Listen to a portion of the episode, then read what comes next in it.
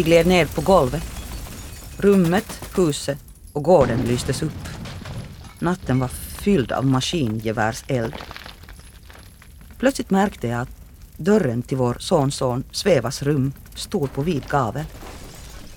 I skenet såg jag en uniformklädd man stå där på tröskeln.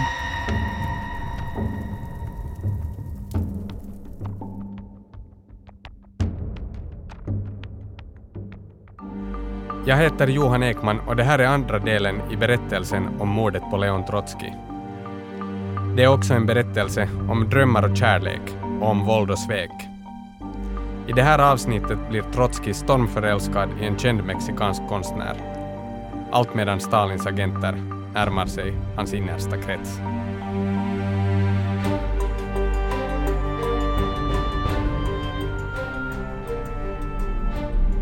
I Sovjet förföljer Stalin nu både sina riktiga och påhittade fiender allt mer intensivt. Just nu regisserar han sina Moskva-processer, skenrättegångar baserade på de mest fantastiska och falska bevismaterial mot sina gamla kamrater. Trotsky har blivit utesluten ur partiet och deporterad. I sin frånvaro blir revolutionens och partiets mest lyskraftiga stjärna åtalad för terrorism, ett brott som innebär dödsstraff.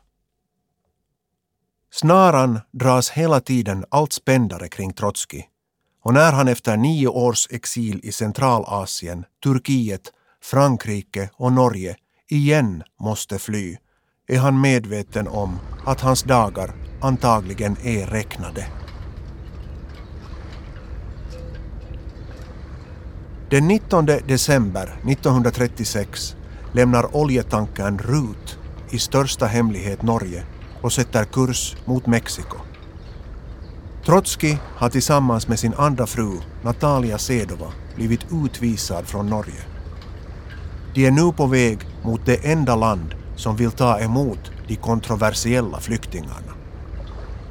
Den norska regeringen, som länge tolererat dem, har böjt sig efter att Sovjetunionen hotat landet med höga handelstullar som straff för att Stalins ärkefiende får vistas i landet.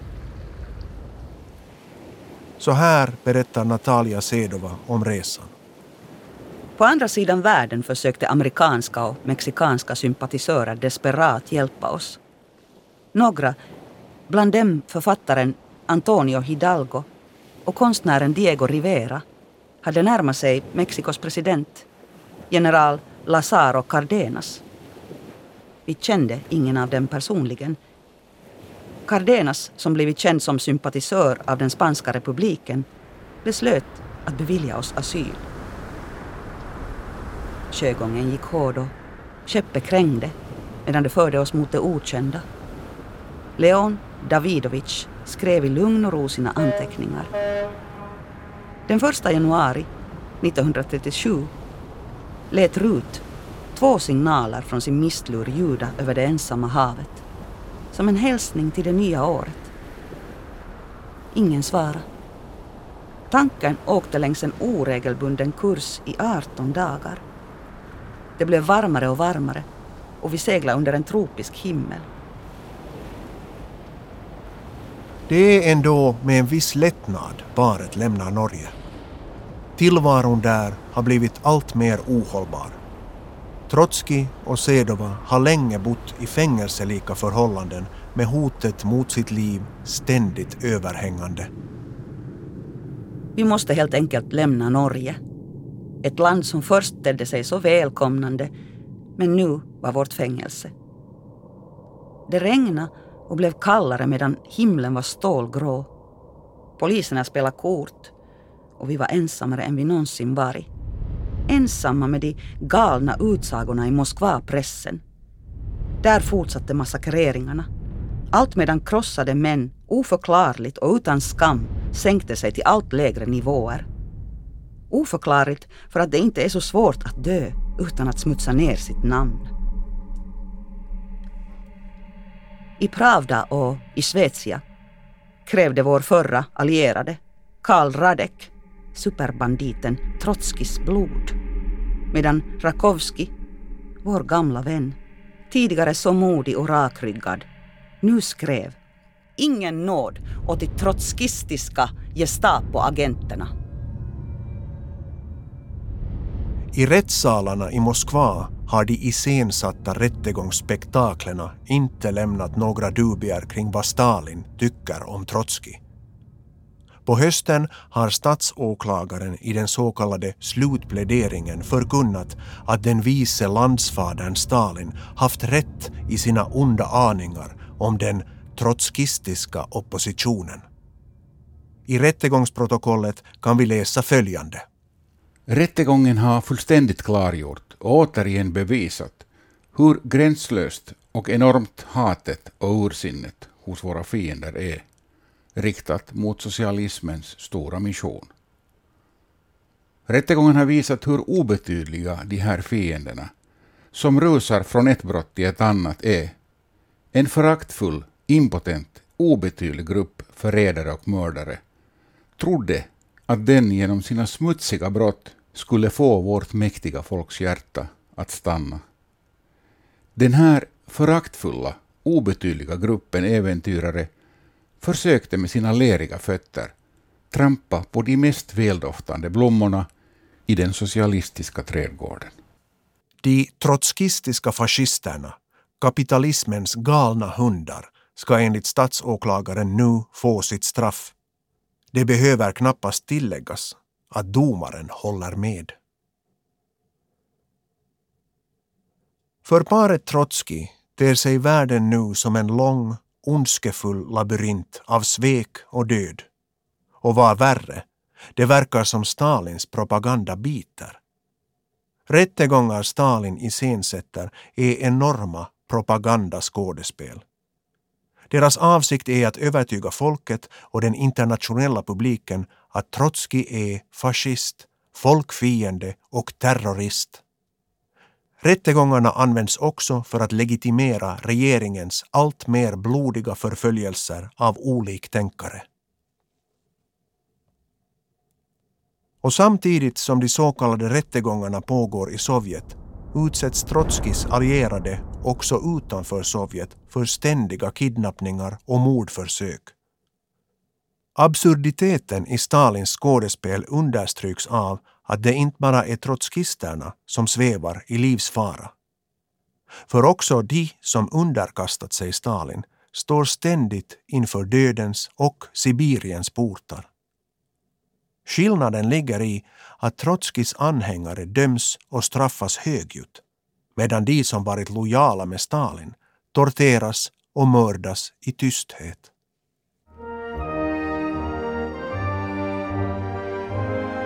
Det ter sig som om Sovjet gripits av en masshypnos.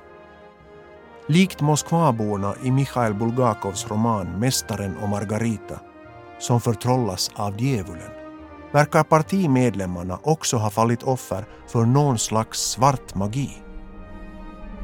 Ett tecken på det är att till och med de som befinner sig i säkerhet i Europa frivilligt kommer hem genast när Stalin kallar, trots att de vet att de med stor sannolikhet förpassas till Sibirien eller blir direkt avrättade. I det klimatet verkar det bara vara en tidsfråga innan en lojal stalinist lyckas mörda Trotskij. Men än så länge, när Trotskij reser mot sitt nya hemland, tänker han att hoppet inte är helt förlorat. Han vet nämligen att trotskisterna, eller vänsteroppositionen som den kallas, organiserar sig i fånglägren. De kräver mer rättigheter åt sig och de andra fångarna och hoppas också vinna sympatier när Stalins repressioner ökar.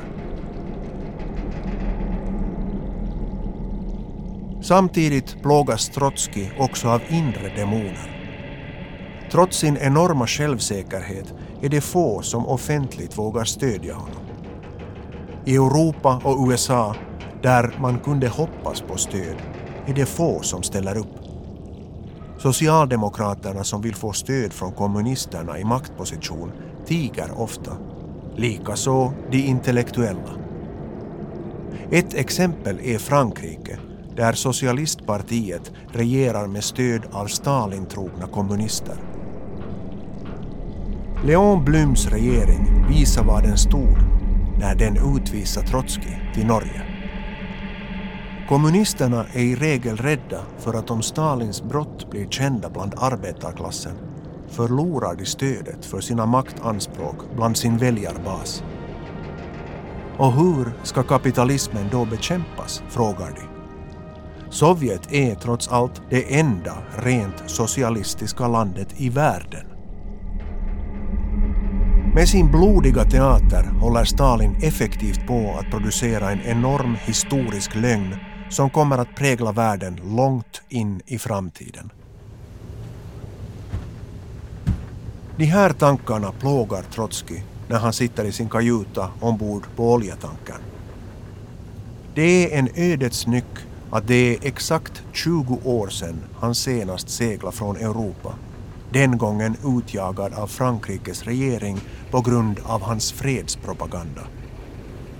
Då skrev han i sin dagbok Det här är sista gången jag kastar en blick på den gamla kanaljen Europa.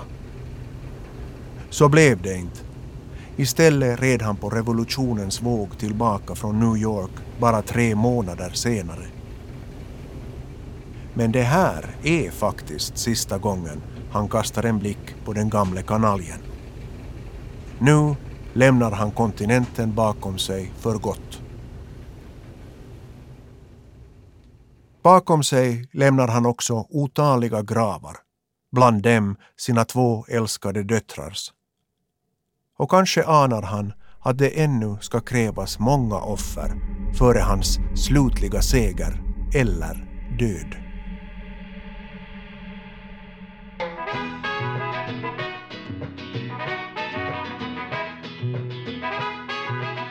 Den 9 januari 1937 står en liten men eminent grupp revolutionärer, konstnärer och journalister på en pir i Tampico i Mexiko.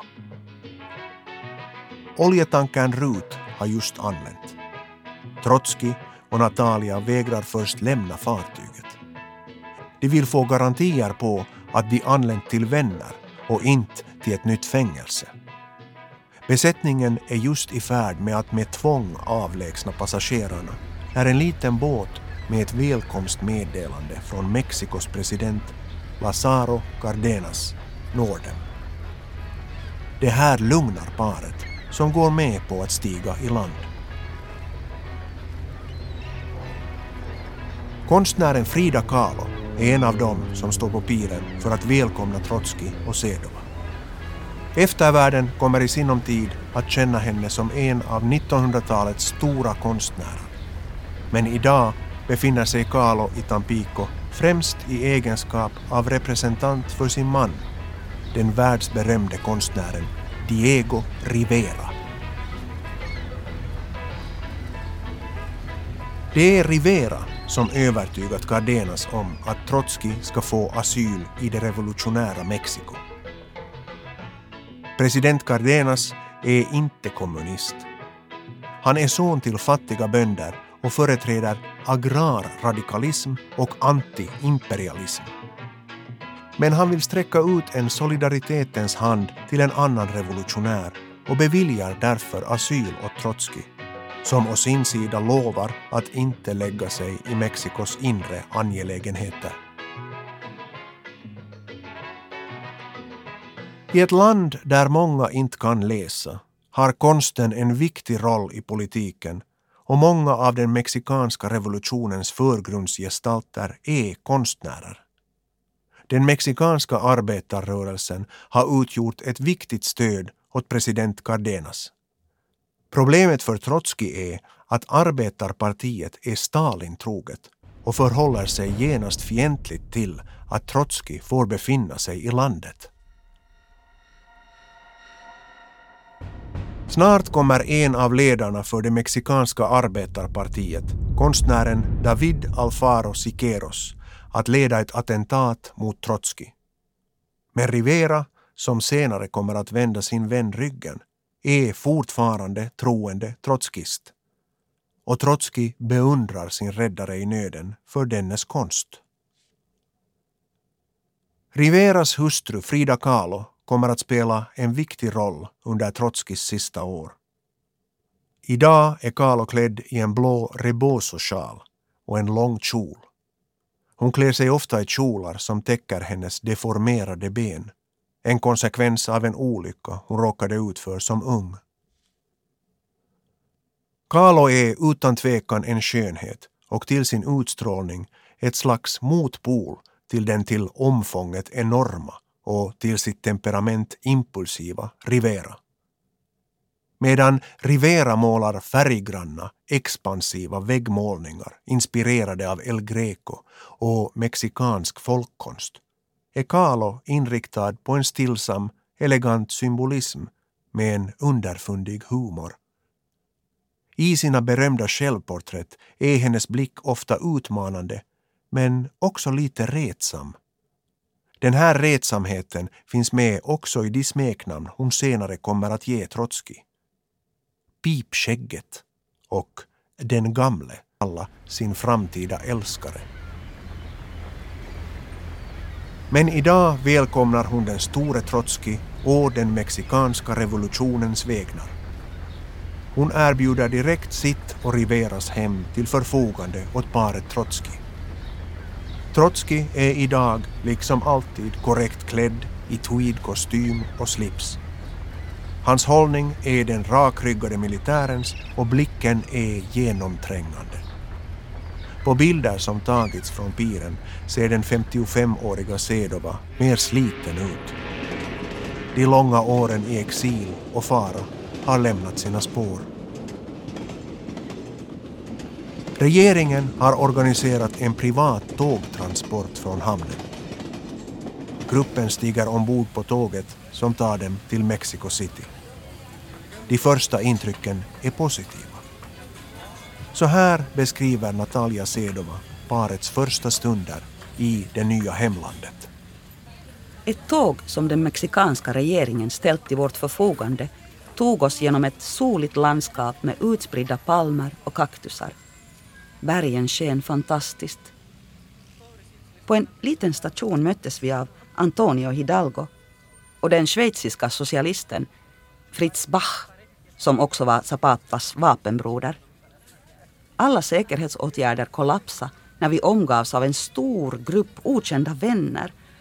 Och, och jag försökte att inte förlora Frida Kahlos ansikte som var det enda jag kände igen ur sikte. Vi visades en bil som vi skulle dela med poliser och främlingar. Plötsligt fylldes vi av skräck igen. Skulle de trots allt ta oss till ett fängelse igen? Vi anlände till en förort, till Mexico City, till ett lågt hus målat i blå färg. Gården var fylld av växter. Rummen var fräscha och luftiga. Där fanns en samling prekolumbianska konstföremål och en massa tavlor. Vi hade anlänt till en annan värld. Frida Kahlos och Diego Riveras hus.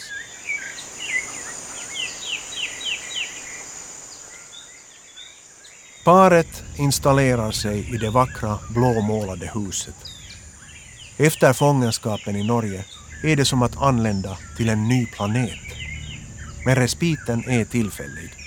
Stalin vet precis var paret befinner sig och smider outtröttligt sina planer på att mörda sin fiende.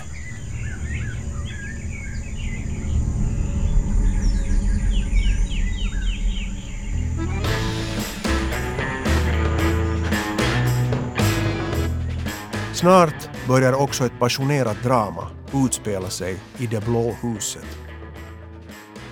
Frida Kahlo blir allt mer fascinerad och attraherad av Trotskij.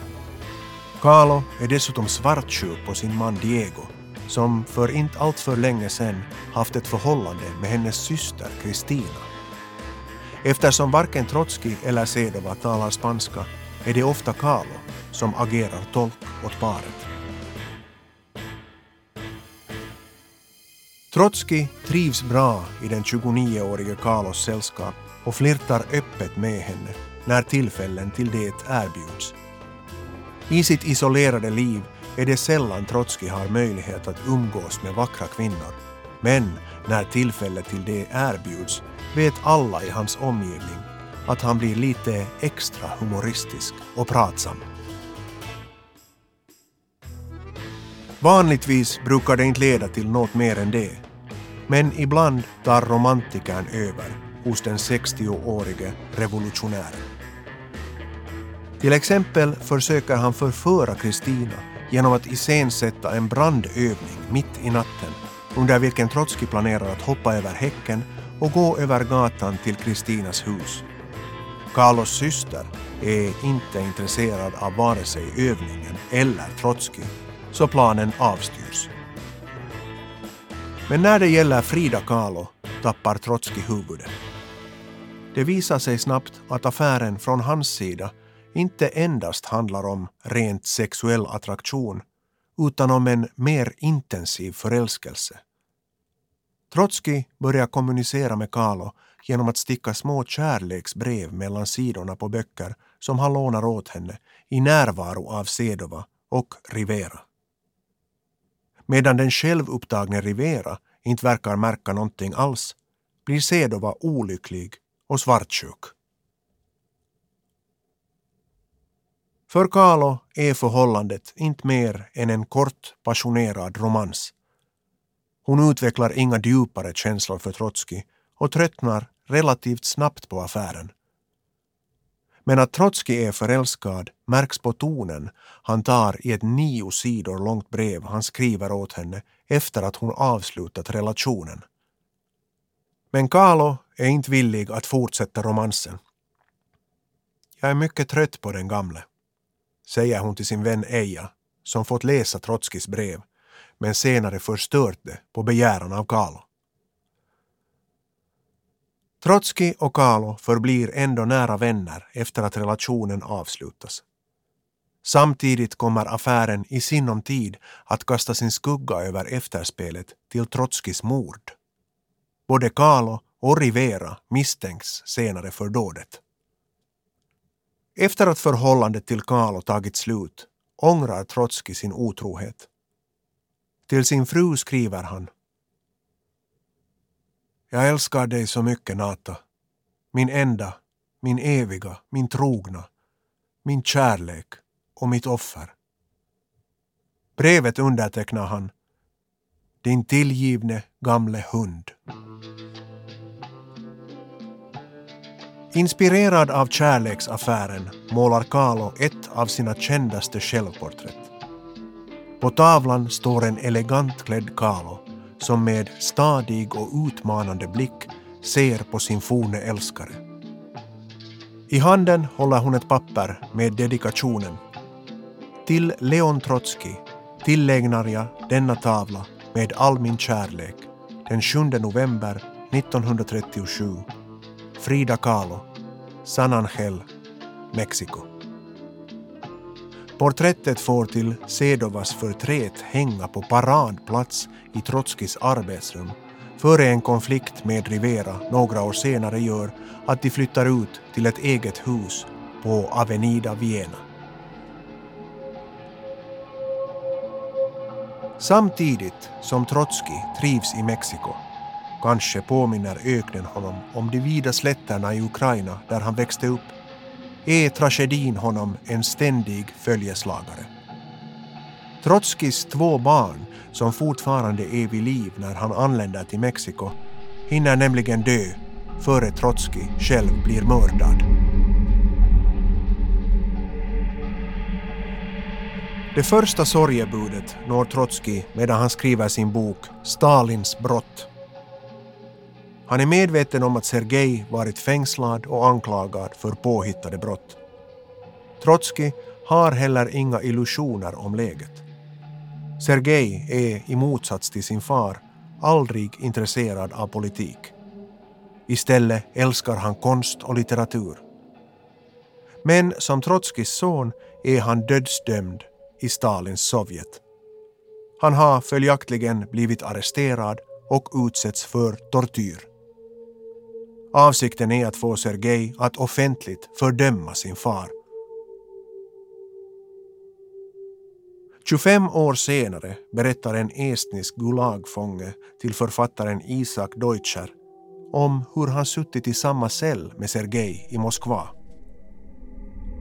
Då har denne sakligt sagt sig vara medveten om att han oberoende om han fördömer Trotskij eller inte kommer att bli avrättad och att han föredrar stå ut och ha kvar sin stolthet. Trotskij och Sedova får veta om Sergejs avrättning via en nyhetsbulletin. En kort kommuniké förkunnar att 83 trotskister avrättats i fjärran östern. Vår 28 år gamla son, Sergej Sedov, som blivit deporterad till Krasnojarsk i mellersta Sibirien, hade också skjutits. Han hade blivit anklagad för att ha försökt gasa ihjäl arbetare på en fabrik.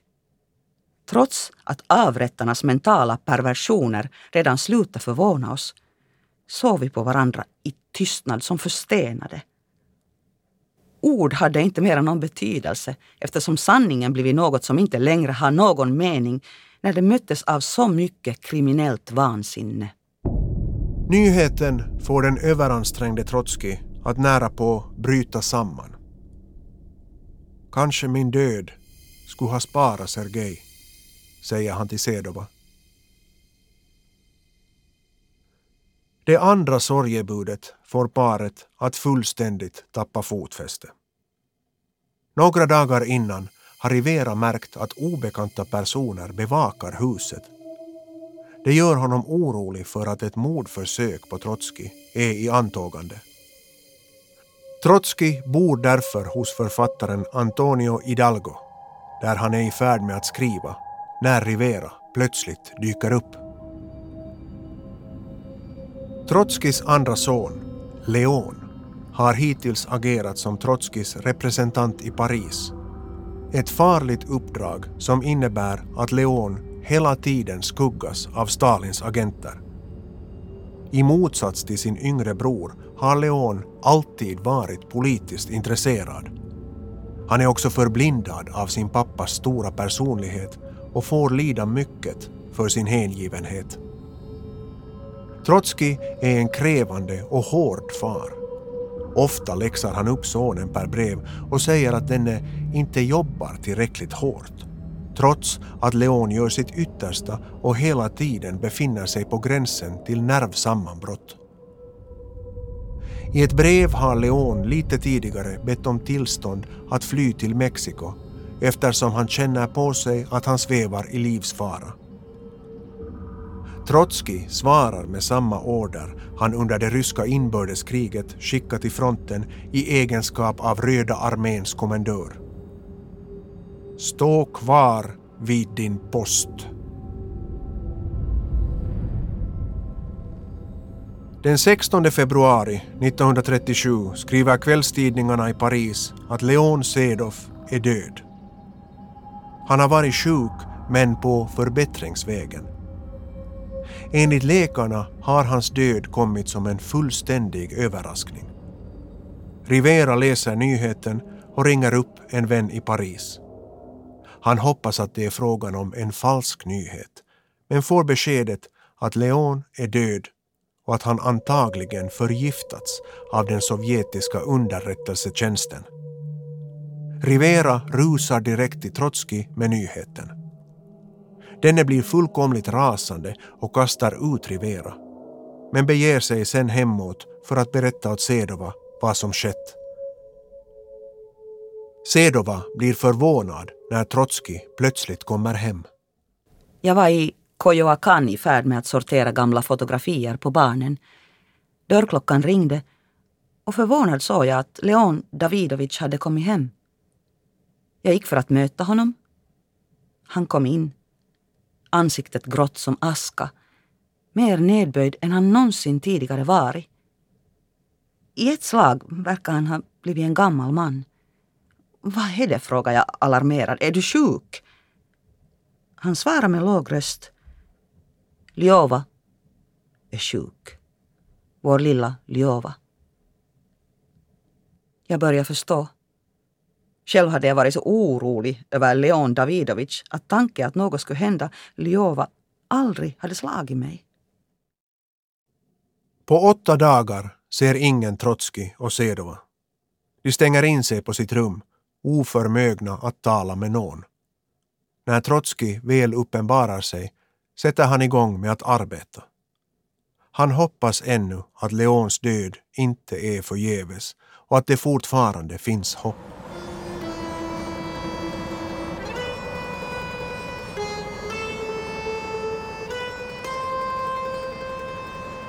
Men långt borta i Sibirien utspelar sig ett nattsvart spektakel.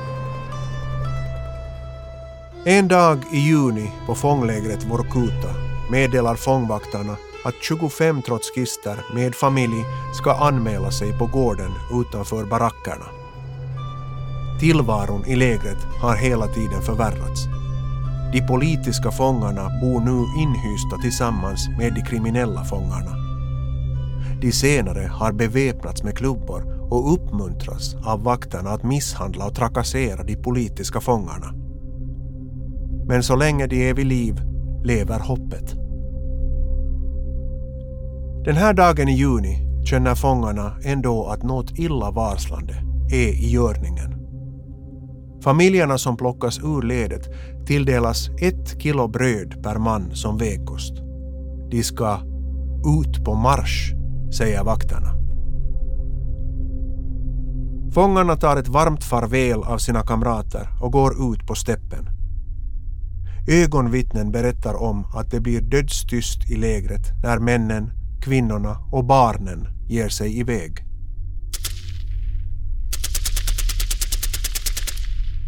Efter en stund punkteras tystnaden av maskingevärseld. Den efterföljs av spridda gevärsskott. Det raspar till i högtalarna som omger fängelsegården och en metallisk röst förkunnar. För kontrarevolutionär aktivitet, sabotage, kriminalitet, arbetsvägran och flykt har följande personer dömts till döden. Och så fortsatte det hela månaden. Alla som fyllt 12 år och har en anknytning till oppositionen avrättas. I en sista protest stämmer de dödsdömda upp i Internationalen medan de marscherar iväg. Dag ut och dag in punkteras sången av maskingevären och tystnaden sänker sig. Så här massakreras de sista trotskisterna. Men samtidigt som Stalin snart likviderat alla sina motståndare växer hans paranoia. På natten hemsöker den hatade Trotskij honom i hans mardrömmar. Och propagandakampanjen mot Trotskij blir allt hetskare. I Mexiko är den närmast hysterisk med regelbundna artiklar och demonstrationer mot Trotskij som organiseras av kommunisterna.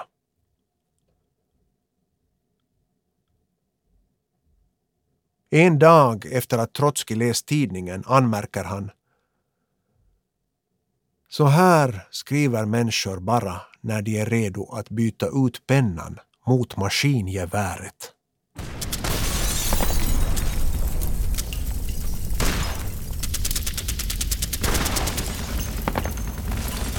Den 24 maj 1940 vaknar Trotskij och Sedova av explosioner och gevärseld. Klockan är fyra på morgonen. Den sömnige Trotskijs första tanke är att det är nyårsraketer som avfyras med anledning av någon fest i kvarteret. Men explosionerna är för nära. Sovrummet fylls av krutrök. Paret söker skydd på golvet. Sedova täcker sin man med kroppen medan maskingevärselden krossar fönstren och kulorna träffar sovrumsväggen. Vi gled ner på golvet. Rummet, huset och gården lystes upp. Natten var fylld av maskingevärseld. Plötsligt märkte jag att dörren till vår sonson Svevas rum stod på vid gavel.